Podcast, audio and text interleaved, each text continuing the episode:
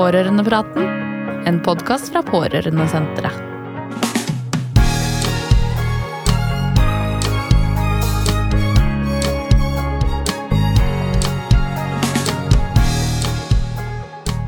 Kreft. Det er navnet på en gruppe sykdommer som de fleste har hørt om. Og god behandling gjør at veldig mange som får kreft, de overlever. Eh, noen får plager som de kan ha med seg i mange år etterpå, og noen dør. Å være barn eller ungdom i en familie hvor noen får kreft, kan være ganske slitsomt. Jeg heter Anne Kristine Bergem, og i studio i dag har jeg besøk av Linda Sørli Petersen, som jobber i Kreftforeningen. Velkommen! Tusen takk. Eh, Linda, kan du fortelle litt om deg selv, sånn at de som hører på oss nå vet hvem du er? Ja, det kan jeg gjøre. Jeg er 38 eh, år, og jeg jobber som rådgiver i Kreftforeningens distriktskontor på Hamar. Og det er ett av åtte distriktskontor som Kreftforeningen har over hele landet. Og i tillegg så har vi et hovedkontor i Oslo. Jeg har annet fagansvar for barn og unge som pårørende og etterlatte ved vårt kontor. Ja, for du jobber i, i Kreftforeningen, og det er jo en kjempestor forening. Og jeg vet jo at Kreftforeningen jobber med veldig mye forskjellig. Eh, men jeg vet òg at eh, dere i Kreftforeningen, både dere som jobber på Hamar, men også andre steder i Norge, er veldig opptatt av barn og unge. Eh, så jeg lurte på om du kunne fortelle litt om liksom, hva Kreftforeningen gjør for barn og unge? Ja, det kan jeg godt gjøre. Og ja, vi er jo veldig opptatt av barn og unge som pårørende og etterlatte. For det vi vet, er jo at når man blir ramma av kreft i familien, så snur det livet på hodet. Eh, og det gjør det for alle, både for den som er sjuk og for de rundt. Og ekstra usikkert blir det da for de barn og unge som opplever det her. Så Kreftforeningen syns det er ekstra viktig at nettopp de her barn og unge ivaretas, og at deres stemme blir hørt. Og da er det jo sånn at vi har faktisk gjort et kartleggingsarbeid hvor vi har snakka med barn og unge som pårørende, hvor de har fortalt litt om hva er det de trenger i hverdagen. Så prøver vi å møte de her behovene gjennom våre tilbud. Ja, og det syns jeg er veldig fint å høre at dere har snakka med, med, barn og ungdommer. Og da har jeg lyst til å spørre deg om to tallspørsmål. Og det første tallspørsmålet er hvor mange barn i Norge er det som opplever at eh, av foreldrene får kreft hvert år?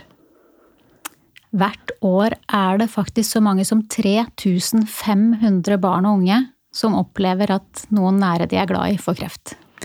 Ja, så hvis du som hører på nå er i en sånn situasjon, så skjønner du ut ifra det tallet at du er ikke alene. Det er faktisk tusenvis av barn som opplever det samme som deg. Og nå tror jo ikke jeg, Linda, at dere har snakka med 3500 barn. Men hvor mange barn har dere snakka med i undersøkelsen deres? I undersøkelsen vår så snakka vi med 210 barn. Og det er ganske mange? Det er det. Og de eh, vet godt hvor skoen trykker. Ja, hva sier de da? De barna dere har snakka med? Eh, de har kommet med litt forskjellige råd til hvordan de ønsker å bli møtt når de f.eks. er med på sykehuset, eller eh, når de snakker med sin lærer på skolen, eller med helsesykepleier. Ja, og det er jo kjempefint, fordi at eh, de som hører på oss nå, er kanskje ikke helt sikre på hva som er til hjelp. Eh, og da kan det jo være godt å høre hva andre barn har syntes har vært til hjelp. Så kan ikke du fortelle litt, da? Hva, hva er det barna ønsker av f.eks. når de er på sykehuset og besøker den som har fått kreft? Hva syns de er viktig da? Da syns de det er utrolig viktig at de som jobber på sykehuset, viser at barna er også velkommen. Eh, ting er den pasienten som skal behandles og som er sjuk, den trenger oppmerksomhet, men det gjør også barna. Og barna trenger å bli huska på, gjerne bli tiltalt med navn. Hei, Knut, hvordan går det med deg i dag? Og så ønsker de også veldig gjerne at det finnes et sted utafor det rommet hvor mor eller far eller den som er syk, ligger, som de også kan få et pusterom når de er på besøk på sykehuset. Ja, og det er jo ganske lett å skjønne, fordi at eh, på et sykehus og inne på et sånt eh, pasientrom, så kan det jo både lukte litt rart, og det kan være mye sånn apparater og tekniske duppeditter, og noen steder lager det lyd, og kanskje er ikke pappaen eller mammaen på et rom alene engang. Så det å kunne ha et kanskje et litt hyggelig rom som ligger i nærheten, hvor det går an å sitte og slappe av eller lese litt eller ta en pause? Er det liksom sånne ting de, de nevner? Ja, det er akkurat det. Det å kunne få lov å være i nærheten av den de er glad i, samtidig som at de ikke har behov for å være inne på det rommet med all den sykdommen hele tida. Men eh, har de sagt noe om hva de har lyst til å vite? Fra de som jobber på sykehuset, eller foreldrene sine, da, om sykdommen og det? Barn er jo sånn at de trenger informasjon. Mm. Ehm, de kan fort skape seg en egen oppfatning av hva som skjer, hvis de ikke får vite hva som skjer. Ehm, så de ønsker jo å vite hvordan går det med den som er sjuk? Hva er, det, hva er kreft? Og hva betyr det her for vår familie? Og kanskje de også vil vite hvem er det som smører matpakka mi i morgen? Noen tanker som kommer, er også Kommer vi til å kunne dra på sommerferie sammen til sommeren?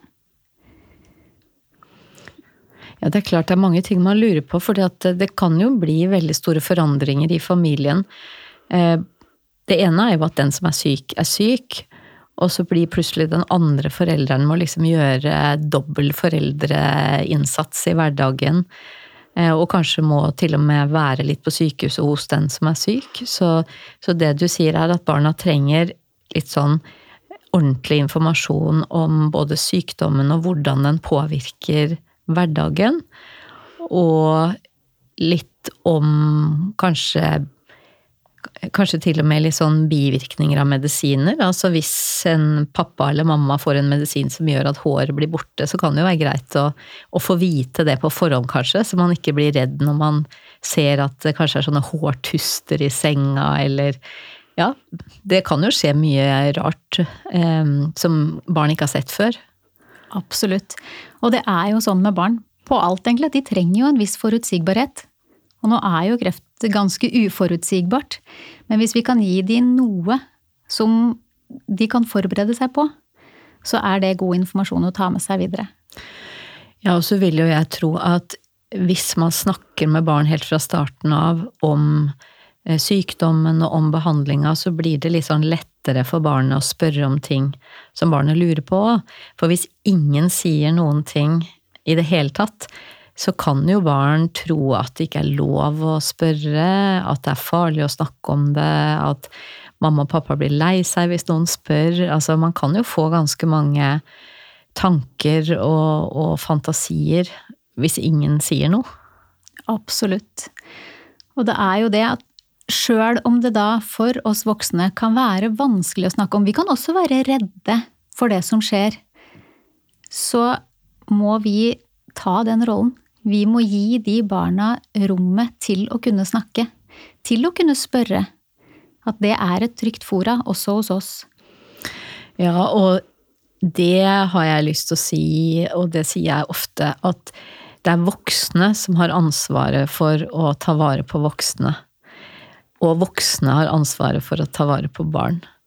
Sånn at hvis voksne syns det er vanskelig å snakke om kreft, eller vanskelig å snakke om døden, eller ja, vanskelig å snakke om ting, så må voksne øve seg med andre voksne, sånn at de klarer å snakke med barna på en ordentlig måte. Absolutt. Det er kjempeviktig. Og det er jo fint, da, for hvis det er foreldre som hører på oss nå, som ikke vet helt hvordan de skal snakke med barna sine, så eh, går det jo an å få hjelp til det. Både på sykehuset, eh, men man kan få hjelp. Man kan jo ringe sånn rådgivningstelefoner og alt mulig, og få hjelp til å finne ut hva som er lurt å si. Absolutt. Og da er det jo faktisk også sånn at Kreftforeningen har en egen rådgivningstjeneste som man kan ringe til og få snakke med en sosionom eller en kreftsykepleier og få noen gode råd til hva man kan si til barna sine.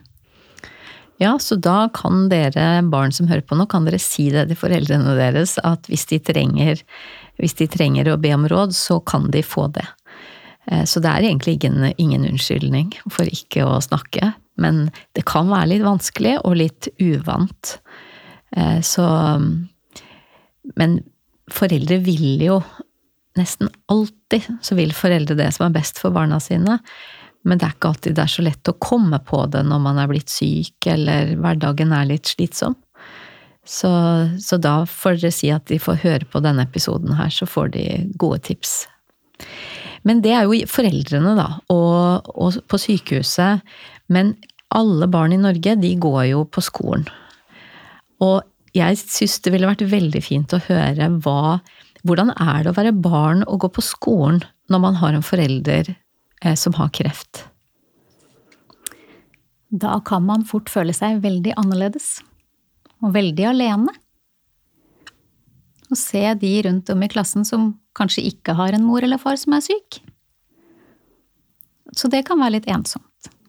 At man tenker liksom at man er den eneste i hele verden, og at ingen andre skjønner hvordan man har det? Ja. Men hva, hva kan være til hjelp da, da? Hva kan man liksom gjøre med det? Altså, man kan jo snakke med helsesykepleier på skolen. Og helsesykepleier skal jo være tilgjengelig for barna. Eh, og så lenge de er der og hjelper til, kanskje de også kan hjelpe til med å, sammen med en foresatt som er syk, kanskje fortelle klassen hvordan er det hos oss nå?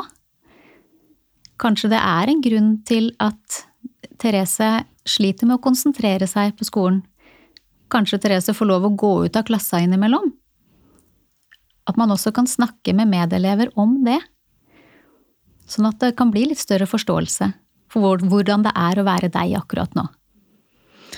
Ja, og det høres jo ganske lurt ut, og da tenker jeg at da er jo den helsesykepleieren nødt til å få vite om at det er kreft eh, i familien. Så det blir også sånn at både til, eh, til foreldrene og til barna at at det er viktig også å fortelle om situasjonen hjemme til noen voksne på skolen som man stoler på, da. Og at helsesykepleier kan være en sånn person, og så kan jo læreren være en sånn person. At man sier at vet du, nå er det en hjemme hos oss som har fått kreft, og det, det vil jeg at du skal vite. Og så er det jo ikke noe man behøver å snakke om hele tida, eller men man kan, man, man kan eh, ha en litt sånn trygghet med det at det er noen på skolen som vet. Ja, akkurat det. Og barn på skolen sier jo også det at de ønsker jo ikke å bli behandla annerledes, sjøl om de har det annerledes enn de andre hjemme. De vil jo ikke gjøres mer spesielle enn det de er. Men så er det som du sier, at det er viktig at det er en trygg voksen som vet hvordan det er å være deg akkurat nå, og som kan støtte deg hvis du trenger det. Ja, og det som jeg har tenkt på noen ganger, det er at hvis man er på skolen, og så er man veldig redd for at det skjer noe med den forelderen som er syk, så tenker jeg at kanskje av og til så kunne man da hatt en sånn avtale med læreren om at selv om det er sånn mobilfri sone i klasserommet, så kan man f.eks. lov å ha mobiltelefonen på vibrering i lomma, for da er man sikker på at man får beskjed hvis det skjer noe. Altså at man gjør sånne liksom, avtaler da, som kan gjøre at man eh, kan konsentrere seg litt om skolearbeidet selv om det skjer ting med den som er syk.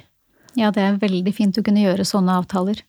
Da kan man eh, kanskje få litt mer ro i kroppen, samtidig som man har mer enn nok å tenke på. Men da er det en voksen som, som støtter deg og prøver å legge til rette for at du skal ha det bra. Altså for noen barn så kan det jo være godt å være på skolen fordi at man er sammen med venner og får en litt sånn pause fra alt som handler om sykdom hjemme. Eh, mens for andre så kan det jo være slitsomt å være på skolen, og da blir det jo verre hvis, liksom, hvis man f.eks. får kjeft fordi man ikke følger med, eller blir holdt utenfor fordi man er sånn ja, ikke helt seg sjøl, da. Og da kan det jo hjelpe at de andre vet. At man kan unngå at, eh, at det blir liksom verre å være på skolen. Absolutt. Men eh, da snakka vi om sykehus, og vi har snakka om hva som er til hjelp på skolen, og litt sånn. Men da tenker jeg når dere snakka med barna, spurte dere dem også litt om hvordan de liksom, hva, hva, hva tenker og føler barn på Selvfølgelig, altså alle barn er forskjellige, men, men, var det noe som mange sa når de skulle fortelle om hvordan, hvordan det er å være barn når en i familien har kreft? Ja, altså mange sier jo nettopp det at de blir jo redd, for det her er jo en alvorlig sykdom. Eh, og man kan bli sint. Det kan føles utrolig urettferdig at nettopp mamma, min mamma eller min pappa har blitt sjuk. Og noen kan også kjenne på en skyld. Eh, er det, er det min skyld at mamma har blitt sjuk? Tenker barna liksom at det kan være noe de har gjort? At de har holdt på å si bråka for mye, eller et, altså liksom at det er noe som de har gjort som gjør at foreldrene blir syke? Er det sånn de, noen tenker? Noen kan tenke det, ja. Mm. Og sånn er det jo absolutt ikke. Så det er så viktig at vi snakker om det. At det er ikke din skyld at mamma eller pappa eller et søsken har blitt sjuk. Nei, og det er det jo ikke. Eh, for det er jo ingen som kan måtte, gi noen andre kreft. Nei. Eh, og det er heller ingen som kan gjøre noen frisk av kreft ved å være ekstra snill og hjelpsom og stille og høflig og og alt sånn. For det tenker jeg, det er det også noen barn som tror. At det er deres ansvar å gjøre forelderen frisk. Og det er det absolutt ikke. Nei, det, for det er det helsepersonell, leger og sykepleiere og alle de som jobber på, på sykehus og på legekontor og sånn, det er de som skal hjelpe de voksne med å behandle sykdommen og, og finne ut hvordan man skal leve med den. Og så er det jo selvfølgelig er det veldig hyggelig og fint hvis barn måtte hjelper til eh, hjemme og er si, greie og at man snakker med hverandre, men, men, det er lov å ha en dårlig dag for et barn selv om en forelder har kreft. Absolutt. Og vi har dårlige dager alle sammen. Så det må være lov. Er det lov å ha fine dager, da? Er det lov å være glad og gå i bursdagsselskap og ha lyst til å reise på sommerferie selv om en i familien er syk?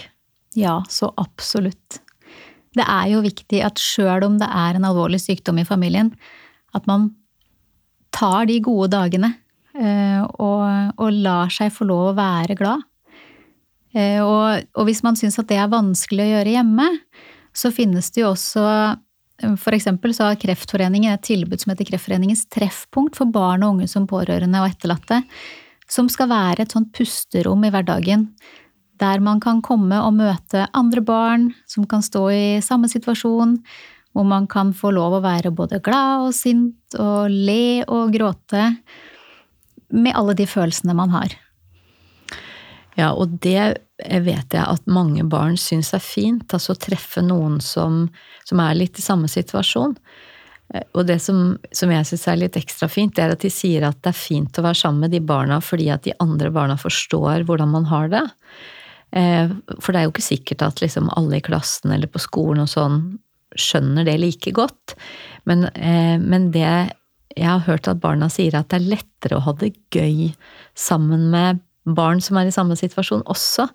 Fordi at alle vet at man ikke glemmer det som er trist, selv om man leker.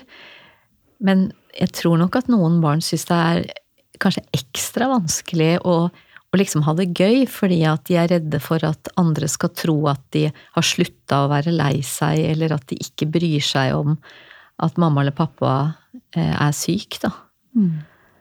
Men, men, på treffpunkt så så vet man at de andre vet at sånn er det. At man kan faktisk føle mange ting på en gang og bytte litt på. Ja, og det er jo det som er fint med barn og unge, at de Mange av de lever veldig i nuet. Eh, så de kan stå i det som er trist og tungt, samtidig som etter tre minutter så kan de leke og ha det gøy. Så de går inn og ut av situasjonen, og det er helt greit. Det skal være rom for det. Ja, og det tenker jeg til de barna og ungdommene som hører på oss nå, at, at det, det, som Linda sier, at det er, nor, det er, normalt at det bytter litt på, og man er ikke et dårlig menneske fordi om man ler og tuller og tøyser når noen er syk, og det er ikke sånn at man gjør folk friske ved å være lei seg hele tida. Eh, for av og til så er det nesten sånn at man får litt sånn ja, nesten sånn magiske tanker. At man liksom tenker at de tankene man har oppi hodet sitt, kan påvirke andre mennesker. Og, og det er jo ikke sånn. Nei, sånn er det ikke. Nei. Men det kan være fint å snakke med andre i samme situasjon, og det kan også være fint å snakke med noen voksne om de tankene og følelsene man har, da. Absolutt. For alt er litt vanskeligere hvis man må være i det helt alene. Ja, det er alltid godt å kunne ha noen å dele tankene med. Og om det ikke er en mor eller far, så kan det være en helsesykepleier. Eller kanskje det er treneren på fotballaget. Eller læreren.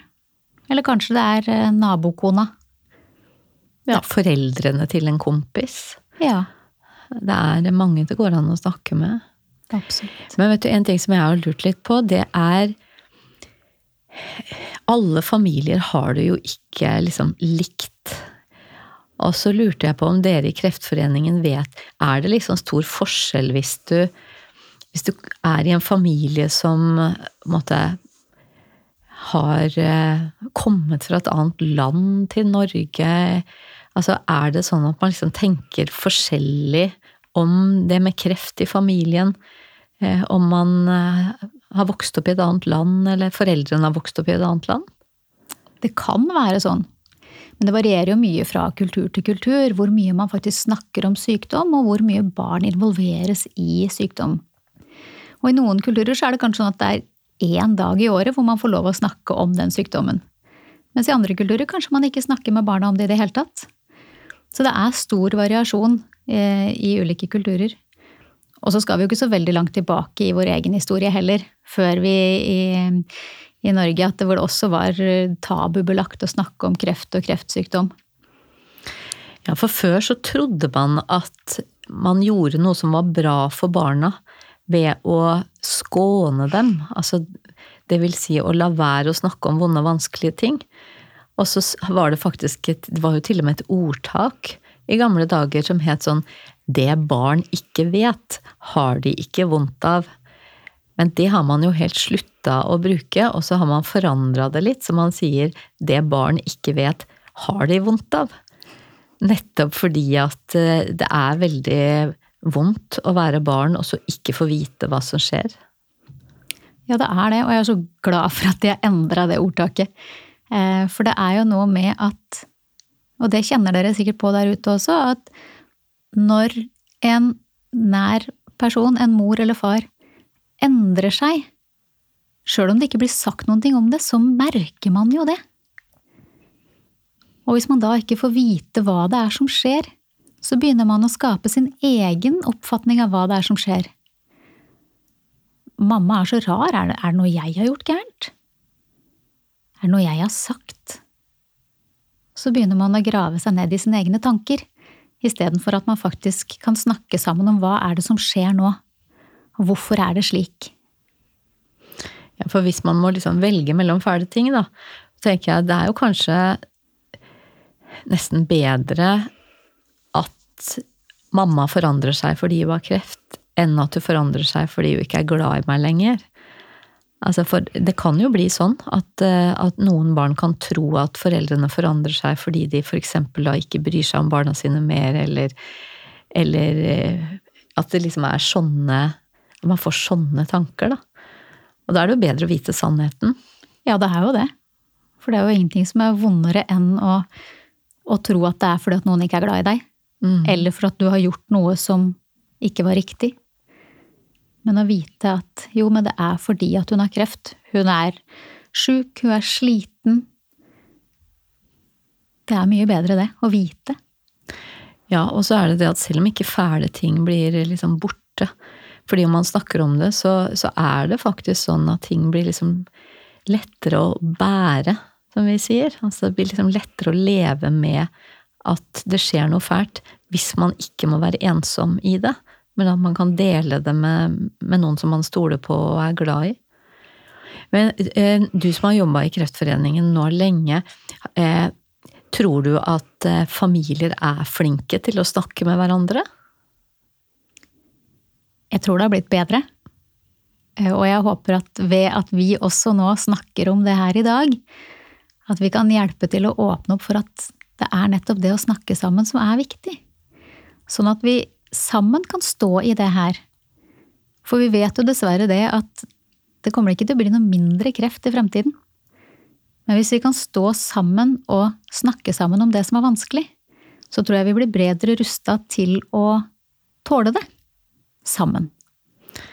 Det tror jeg du har veldig rett i, og det er jo til og med sånn at hvis en sykdom er blitt så alvorlig at man vet at det ikke går an å bli frisk, og man vet at noen kommer til å dø av den sykdommen, så må man faktisk snakke om det også. Det er kjempeviktig. Og selv om det er vondt og vanskelig å snakke om døden, så blir ingenting lettere av å ikke snakke om det. Nei, den blir dessverre ikke borte av den grunn, altså. Og det vet jeg at det er gjort sånn undersøkelser at eh, det å snakke med barn om sykdommer som man kommer til å dø av, det er noe av det som foreldre gjerne skulle hatt mer støtte fra helsevesenet til å snakke om. Og det tror jeg bare understreker at det er ikke så lett. Og det er ikke så lett å snakke om sånne ting når man er foreldre eh, og kanskje skal dø fra barna sine. Så, så tenker vi, vi skjønner at det er vanskelig, men det betyr jo ikke at man ikke skal gjøre det.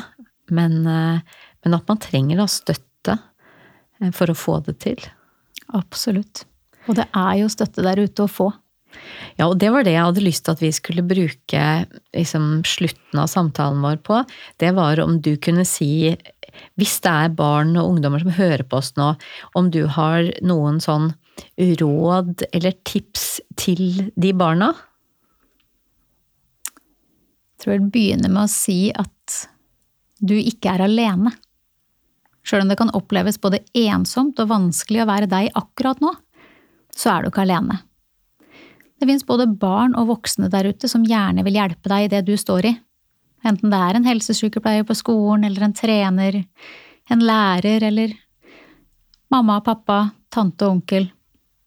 Eller så går det faktisk også an å snakke med oss i Kreftforeningen. Den rådgivningstjenesten jeg nevnte tidligere, den er ikke bare for voksne. Den kan dere også ringe eller chatte med. Og da kan jeg jo si at dere kan også chatte eller ringe til oss som jobber på pårørendesenteret. Eh, så, så, ingen behøver å sitte liksom helt aleine og være redd eller bekymra. Eh, vi er mange som har lyst til å snakke med dere. Og så helt til slutt så tenker jeg at hvis det er noen foreldre som hører på nå, sammen med barna sine, eller, eller for seg sjøl fordi at de vil få noen tips til hva de skal si til barna sine, eller hvordan de skal gjøre det. Så tenker jeg at kanskje du kan komme med noen råd til de foreldrene også? Ja, jeg kan prøve i hvert fall. Um, jeg tror det er viktig å tenke på at du Det er ikke alltid at barn syns det er like lett å snakke med mamma eller pappa. Og da må ikke du fortvile om ditt barn ikke vil snakke med akkurat deg. Det er faktisk helt naturlig, sjøl om det også kan være ganske sårt som en mor eller far. Men det som er viktig, da, er at vi voksne rundt de barn og unge som er pårørende av en alvorlig sykdom, at vi hjelper dem til å finne noen trygge voksne som de kan dele til. Ja, og kanskje faktisk til og med sier at, at det er helt greit å oppfordre til det. For eh, mange barn de er veldig, veldig lojale mot foreldrene sine og veldig glad i foreldrene sine, sånn at de kan komme til å tro at det nesten er sånn baksnakking eller snitching eller det å liksom røpe noe som er hemmelig hvis man snakker med andre. Så, så, det tenker jeg er sånn viktig råd. Altså gi hverandre lov til å snakke med andre, sånn at alle får snakka med noen, og ingen blir sittende aleine med det de tenker på. Er du enig i det? Jeg er så hjertens enig i det. Da tror jeg vi lar det bli liksom siste ordet i dag. Og så vil jeg si tusen takk til deg, Linda, fordi at du kom til oss i dag helt fra Hamar for å, å snakke om barn og unge, pårørende og etterlatte ved kreftsykdom. Takk skal du ha. Tusen takk for at jeg fikk komme. Du har hørt Pårørendepraten, en podkast fra Pårørendesenteret. Du finner flere episoder og ressurser på hjemmesidene våre pårørendesenteret.no, pårørendeprogrammet.no og ungepårørende.no. Podkasten finner du også på de fleste steder der du lytter til podkaster.